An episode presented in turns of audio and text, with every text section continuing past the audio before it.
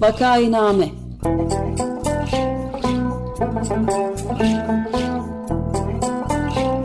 Salgın günlerinde memleket manzaraları Hazırlayan ve sunanlar Güven Güzeldere, Ömer Matra ve Özlem Tekin.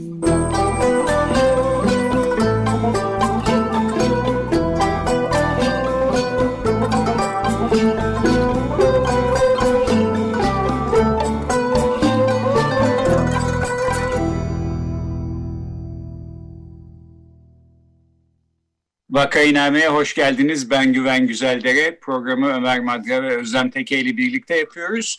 Bugün konuğumuz Bülent Şık. Herkese merhabalar. Merhaba, iyi yayınlar. Merhaba, hoş geldin Bülent. Hoş geldiniz, merhabalar. Bülent Şık konuğumuz, gıda mühendisi, bilim insanı. Gıda güvenliği konusunda önemli araştırmalar yapması kadar bu bilgilerin kamuoyuyla paylaşımı ve söz söyleme cesaretiyle de önemli bir e, çevre aktivisti aynı zamanda.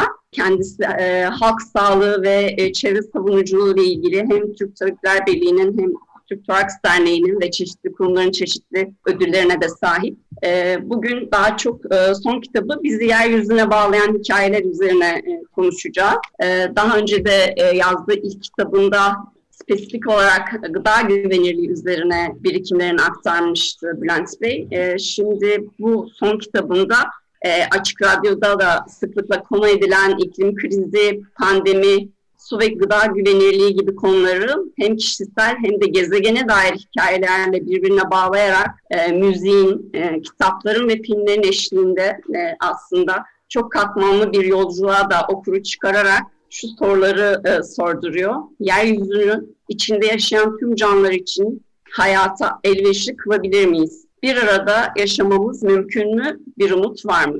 Hoş geldiniz tekrar. Merhaba, hoş bulduk. Çok teşekkür ederim. Hoş geldiniz sahiden. Ben o zaman isterseniz şuradan başlayayım. Şimdi bu konuların aslında asıl uzmanları Özlem Hanım ve Ömer Bey. Ee, kitabınızda konuyu gıda güvenliğinden daha da geniş bir ekolojik çerçevede ele alıyor. Ondan konuşmak istiyoruz. Fakat daha önce konuya belki uzaktan aşina olan ama tam bilmeyen dinleyiciler için bir paylaşsak.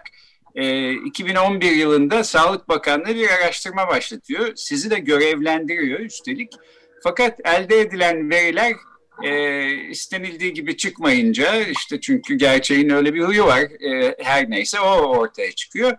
E, bunları hasır altı etmeye çalışıyor. Siz e, fakat buna direniyorsunuz. E, açıkladığınız zaman da başınız belaya giriyor ve gazete duvardaki bir söyleşinizde söylediğiniz gibi Sağlık Bakanlığı kanser yerine sizinle uğraşmaya başlıyor bu sefer. Biraz bunun özetiyle başlayabilir miyiz? Yani e, bu çalışma neydi? Siz ne buldunuz? Neyi paylaştınız? Paylaşarak önemli bir kamu görevi yaptınız aslında. E, vicdani bir şekilde hareket ettiniz ama bunun da bedelini e, size ödetmeye çalıştı devlet buna karşılık. Sizin söz ettiğiniz gibi 2011 ile 2015 yılları arasında e, 4 yıl süren bir çalışma. Sağlık Bakanlığı'nın koordinatörlüğünde yürüyen bir çalışma. Çalışmada e, 10 üniversite vardı benim hani tespit edebildiğim, içinde yer aldım. E, Akdeniz Üniversitesi'ndeki Gıda Güvenliği Araştırma Merkezi de bu çalışmanın yürütüldüğü e, merkezlerden bir tanesiydi. E, gıdalarda ve sulardaki projelerde görev aldım ben. E, aslında 16 farklı proje var orada. E, projenin aslında temel esprisi e, Türkiye'de kanser vakalarının sık görüldüğü Kocaeli, Tekirdağ, Kırklareli, Edirne e, illerinde çevresel kirlilikle bu vakalar arasındaki bir bağlantıyı hani tespit etmeye çabalamak. Bir bağ var mı? Bir korelasyon kurulabilir mi? Ya da durum tespiti yapabilmek. Kirliliğin haritasını çıkarabilmek. Ama böyle hani çok özet ve hızlı geçiyorum. Bunun ötesinde baktığımızda e, aslında Türkiye'deki e, endüstriyel kirliliğin en yoğun olduğu bölgeler Ergene Havzası'ndaki 3 il ve Kocaeli ili. Ee, Antalya'da bu illerdeki durumu kıyaslamak için seçilmiş illerden bir tanesinde. Antalya'da ağır sanayi yok. Kıyaslamak için seçildi. Ee, yani insandaki biyokimyasal örneklerden işte idrar kan örneklerinden tutun işte Marmara Denizi'ndeki çeşitli deniz canlıları, Ergene Havzası'nın bütünü, bu yerleşim noktalarındaki çeşitli ürünler, gıda ürünleri, sular, içilen sular çok çeşitli hani il, ilçe, köy, mahalle bazında çok geniş bir e, kapsama alanına sahip noktadan örnek toplanarak analizler yapıldı. sonuçlar açıklanmadı. Sizin söz ettiğiniz gibi 2015 sonu bitti çalışma. 2016 yılında bir hani değerlendirme raporu, genel değerlendirme raporu sunulacaktı, açıklanacaktı. Ben e, epey bir süre e, bunu anlamaya çabaladım. Yani niye hani bu açıklama yapılmadı? 2016 yılı Kasım ayında üniversiteden KK ile çıkarıldım ben üniversitedeki görevimden. Dolayısıyla bütün araştırma projeleriyle bağım koptu. 2017 yılı içerisinde hani biraz e, anlamaya çabaladım. Nereye gitti bu iş? Çerçevesi çok geniş bir işten söz ediyorum. Yani 2011 yılı bütçesi aşağı yukarı 18 milyon lira olan çok sayıda alt projeden oluşan geniş kapsamlı bir halk sağlığı saha projesi söz ettiğimiz proje. Ayrıntıları medyada çok yer aldığı için hani çok detaya girmeyeceğim. Nihayetinde Sağlık Bakanlığı aslında e, e, insan sağlığı açısından problem teşkil eden çeşitli toksik kimyasalların e, çevresel ortamlardaki yayılımını gösteren e, kapsamlı bir kirlilik haritası oluşturmaya elverişli bir veri bütününü e, kamuoyundan gizledi. Hani çok özetleyerek söylersem. Bir süre hani şeyi anlamaya çabaladım ben. Yani bu nedir hani niçin böyle bir şey yapıldı? Ama nihayetinde hani hızlıca söyleyeyim. E, bunların gizlendiğine kani oldum. E, anladım. E, elimde gıdalar ve sularla ilgili e, veriler vardı. Veri dediğim analiz sonuçları. Aşağı yukarı 3000'e yakın analiz raporu e, çeşitli ürünlerde yapılmış, sularda çeşitli yerleşim noktalarını, onları hani derleyip e, doğruluğundan çok emin olduğum bilgileri işte e, Cumhuriyet Gazetesi'nde yazı dizisiyle kamuoyunda paylaştım. Ondan sonra dava süreci başladı. E, işte gizli bilgileri açıklamak, devletin sır e, teşkil eden e, bilgileri temin etmek, işte görevi gereği sır olarak tutulması gereken bilgileri açıklamak, çeşitli suçlamalardan yargılandım. Nihayetinde de o yargılama sonucunda 15 aylık bir hapis cezası ile cezalandırıldım diyeyim.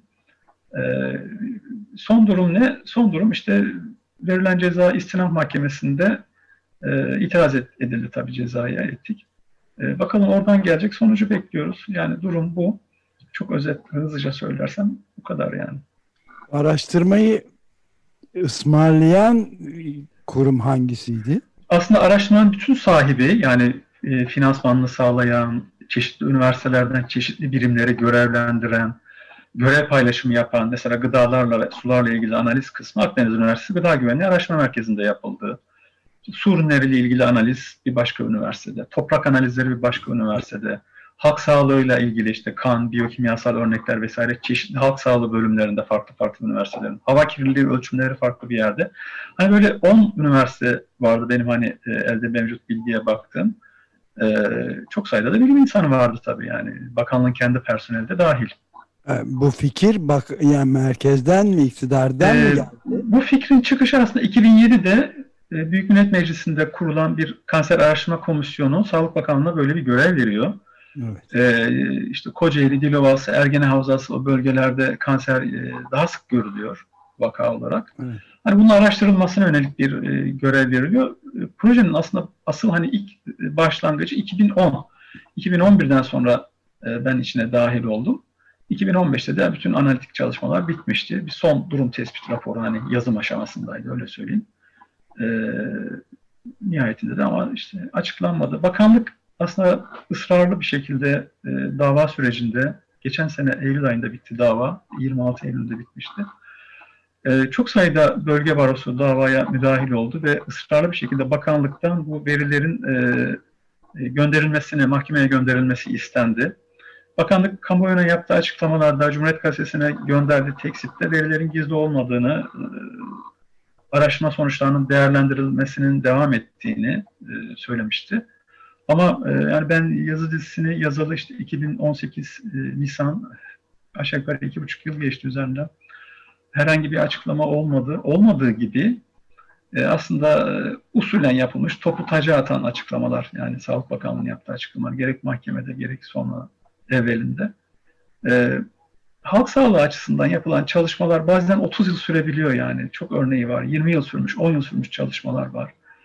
Ama e, gerek insan sağlığı açısından gerekse doğal hayat açısından bir problem tespit edildiğinde ara raporlar açıklayarak işte kamuoyunu uyarmak, gerekli önlemleri almak, e, kamusal olarak bir e, müdahale gerektiren durum varsa ona müdahale etmeyi e, sağlayacak ara raporlar açıklanır. Burada o da yapılmadı. Yani ne bir ara rapor var elde, ne de genel bir nihai rapor var açıklanmış. Çok büyük veri yığınından söz ediyoruz ama devasa bir çalışma açık söyleyeyim. Ben ilk çalışmaya dahil olma çok gururlanmıştım. Ne güzel bir işin içindeyim falan. Buna kadar şahane bir sürü üniversite var falan. Ama hiç e, şekli şemali gidişatı öyle olmadı ne yazık ki. Ya peki ben de şunu çok merak ediyorum. Bu konuyu biraz uzattık ama kusura bakmayın. Şimdi Sağlık Bakanlığı büyük bir fon ayırıyor. Böyle e, pek çok e, bilim insanını, e, kurumu bu işe angaje ediyor.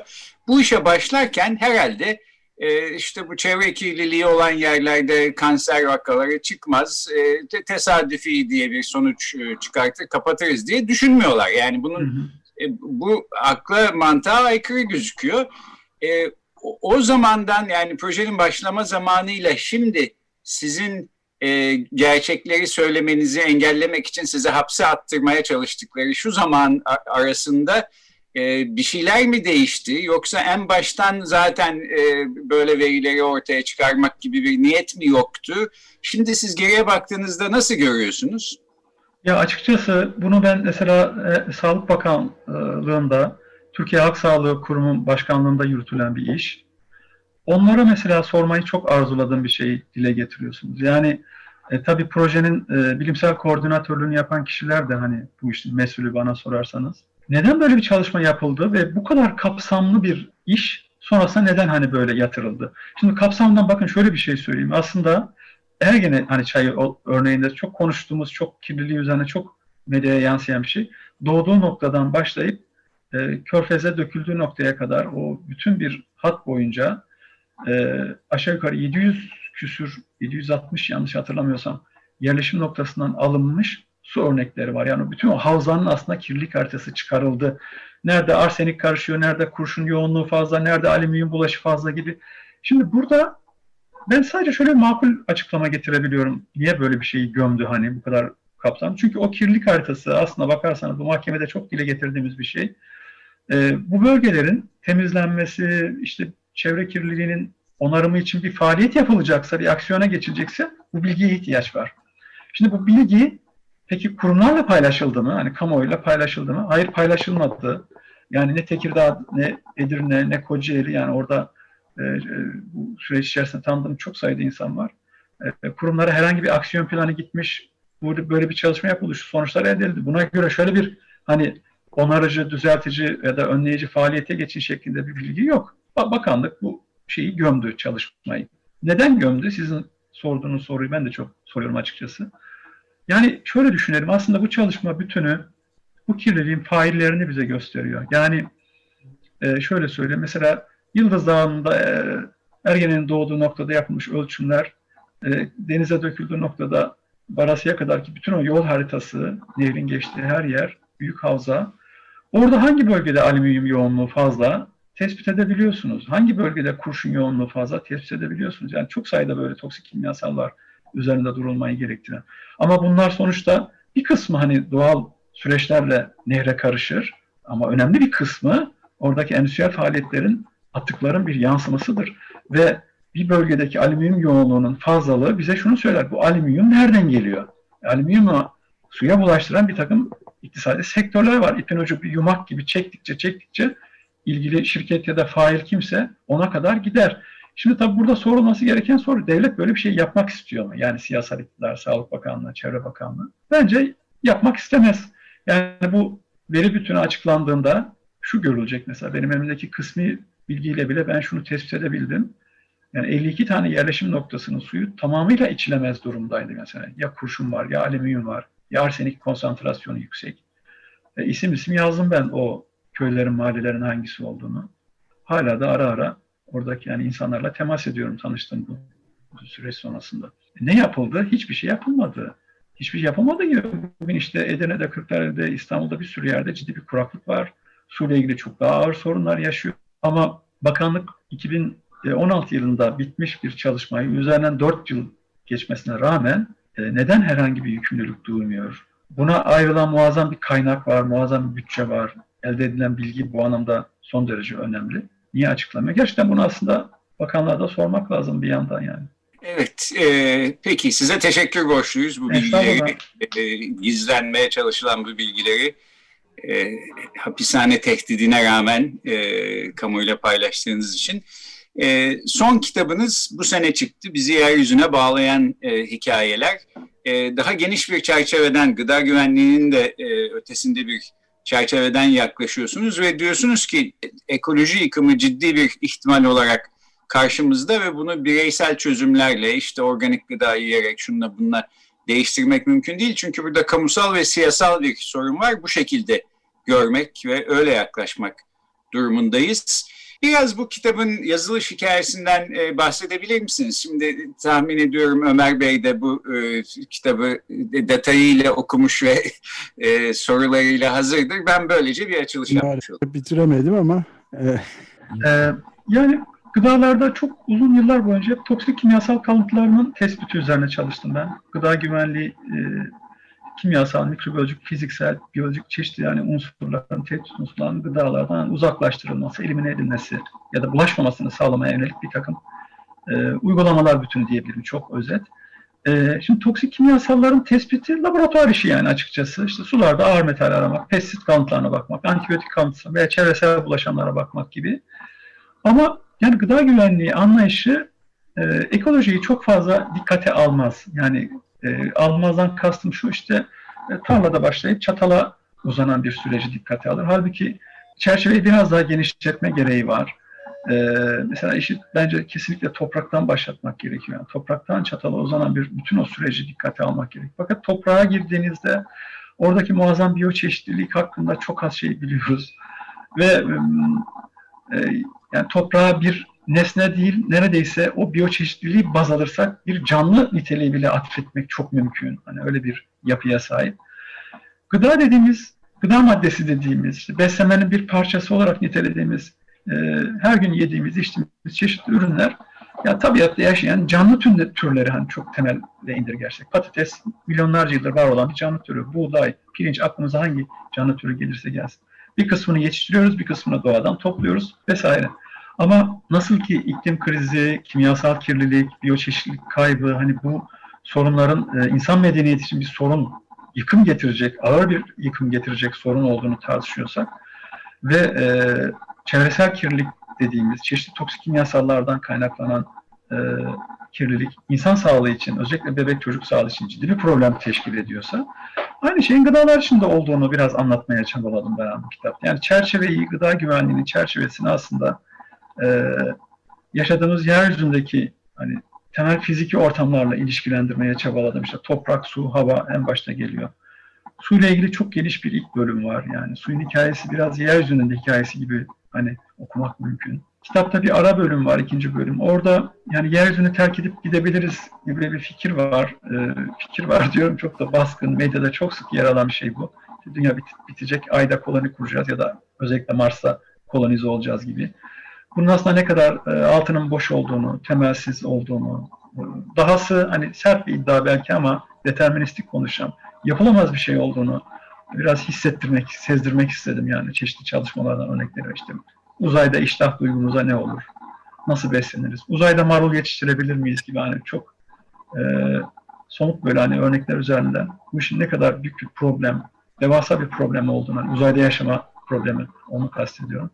Onu anlatmaya çabaladım. Tabii oradaki ana izlek şu yani. Yeryüzü terk edilebilir, işimiz bittiğinde çöp tenekesine atılabilir bir nesne gibi göremeyiz yani.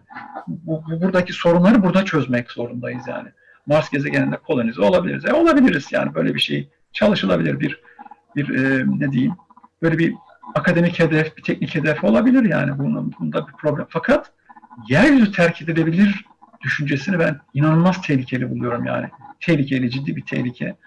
Ve bu tehlike gıda güvenliği tehlikesi olarak da görebiliyorum. Yani bir, bir mesleki bir daraltılmış çerçeveden de baktığımda işin ucu oraya gidiyor. Sözünüzü kestim. E, teknoloji çözümlerini de aslında e, gerçek bir çözüm değildi diye görüyorsunuz. Ben de biraz şuna benzetiyorum. Dağda bayırda bir otomobille gitmeye çalışıyoruz. Sürekli tekerlek patlıyor. Habire yeni teknolojilerle lastiğe daha iyi yama yapan bir şeyler geliştiriyoruz. Ama e, lastik patlamaya devam ediyor. Çünkü aslında o araç oranın aracı değil ya başka bir araç e, kullanmamız lazım ya yürüyerek gitmemiz lazım filan. E, teknolojik çözümlerin sanki bu ekoloji yıkımını e, gidereceği, yok edeceği yönündeki e, ısrarın e, nedeni e, tahmin ediyorum işte teknolojiyi geliştirmeye çalışan insanların e, o yönde ittirmeleriyle alakalı olsa gerek ama siz çok açık bir şekilde gösteriyorsunuz ki aslında ekolojik yıkımı önlemenin yolu bu değil. Bu değil, evet. Yani orada e, çok e, hani konu mesele edinmeye çabaladığım bir şey. Yani teknolojik karmaşıklığı bir ilerleme gibi e, gören bir e, anlayış var. Bu anlayış aslında bizi iklim krizine doğru da götüren bir anlayış. Yani onu çok çok anlatmaya çabaladım kitapta. Karmaşıklıkla ilerleme arasında hiçbir bağlantı yok. Yani e, bu, bu, bu tamamen e, bizim işte ne diyeyim zihinsel bir kurgumuz yani bu böyle bakmak lazım. Bir de aslında biraz terse de bükmeye çabaladım. Yani e, karmaşıklık artışını, teknolojik ilerlemeyi işte bir e, bunu bir tür doğadan özgürleşme, bağımsızlaşma gibi de anlayan bir e, bakış açısı var. Öyle değerlendiren bir bakış açısı var. Bu yanlış. Yani o, bu altını kalınca çiziyorum. Yanlış. Upuzun konuşmak lazım bunu belki ama şöyle basit bir önerme söyleyeceğim ben. Ee, önerme olmanın ötesinde bir şey ama söyledim. Yani 50 yıllık bir en azından ekolojik iktisat gibi disiplinin sürekli anlattığı bir şey. Temas edip öğrendiğim için de kendimi çok şanslı sayıyorum. Yani bir mühendis olarak çünkü mühendislik bakışı teknolojiye biat etmiş bir bakış açısıdır yani ilerleme fikrine. E, o da şu, teknolojik karmaşıklık bizi doğaya daha çok bağımlı kılar. Yani bunu bunu her fırsatta dile getirmek gerekiyor. Teknolojik karmaşıklık insanı doğadan özgürleştirmez. Tam aksine doğaya daha çok bağımlı kılar. Bu bağımlılığı da bir ilerleme değil bir yıkım olarak okumak durumundayız ama. Bunu hani hemen bir adım daha atıp bu şekilde söylemek lazım. Tabii şimdi bunları söylediğimizde ya işte sorun tespiti yapıyoruz, çözümler falan soruluyor. Birkaç dakika kaldı ben onu atlamış olmayayım belki yani sizin başka bir sorunuz yoksa. Yani gıda bağlamında e, çeşitli çözümlere ben çok beğendim kitapta. Hani çözümsüz değiliz. Mesela gıda sisteminin yol açtığı, iklim krizine yol açan tekniklere alternatif olacak ciddi bir agroekolojik uygulamalar ve teorik bütünü var yani. Çok uzun yıllara yaslanan. Ortada bu e, çözümler yani onarıcı tarımdan tutun e, doğa dostu ya da ekolojik bakış açısıyla gıda üretme yöntemlerine varasıya kadar. Ya bunu uygulayacak bir siyasal iradenin yokluğu bence ciddi bir sorun yani. Dünya genelinde yaygın sorun sadece bize özgü de değil. Ben Öyle de bir ufak Buyurun. şey sormak Buyurun istiyorum.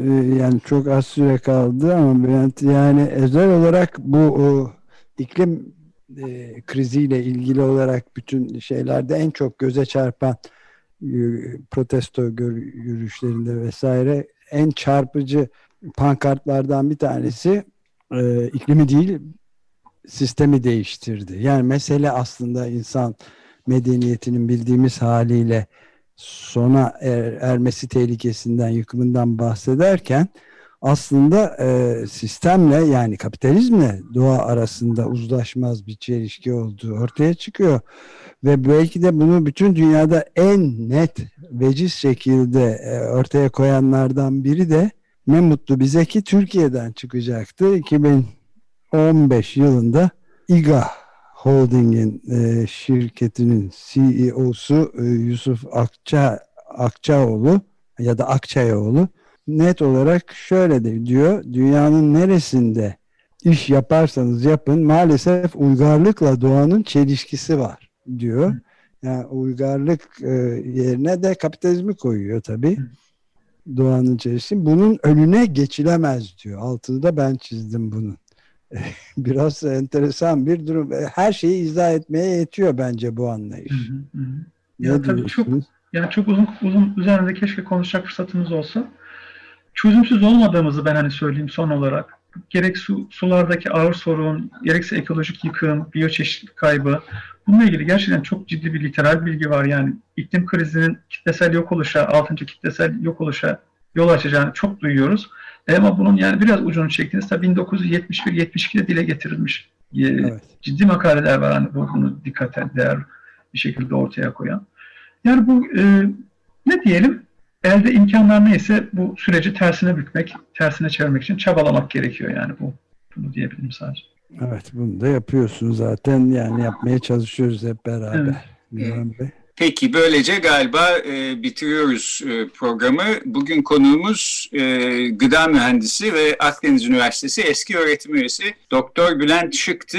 son kitabı bizi yeryüzüne bağlayan hikayeler ve e, gıda güvenliği ve ekolojik yıkım konularında konuştuk. Bülent Bey çok teşekkür ederiz konumuz Ya ben son saniye ben teşekkür ederim. Buyurun. miyim bir tane? Ee, ya bütün dünyada e, çok merak ettiğim bir husus var. Bu pestisitlere, böcek kıranlara ve işte şeylere, bitkilere e, öldürücü zehirlere başka hangi dillerde ilaç adı veriliyor? Zehire panzehir diyen başka bir dil biliyor musun Bülent? Ben bildiğim kadarıyla yok evet yani. Yok, e, çok direkt direkt şey. pestisit zaten dediğiniz gibi böcek kıran, böcek öldüren doğrudan o şeyi çağrıştırıyor da zararlı öldüren. Bizde ilaç yani yıllardır onu bile hani tersine döndüremedik hala. Hala yaygın bir şekilde. Herkes hala ilaç diyor. İnanılmaz. Tarım zehri de, yani en azından hani doğrudan çağrıştırsın diye tarım zehri, tarım zehri onu kullanıp duruyoruz dışında bu zehirsiz sofralarda. Ama bakalım yani bir parça tuttu gibi öyle. İnşallah. Peki çok teşekkürler. Ben teşekkür ederim. Çok sağ olun. Çok çok selamlar. Görüşmek üzere. İyi yayınlar, iyi yayınlar. Çok teşekkürler. Hoşçakalın.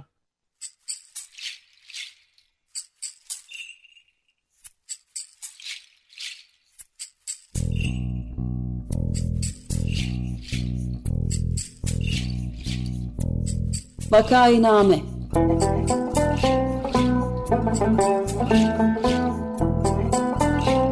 Salgın günlerinde memleket manzaraları.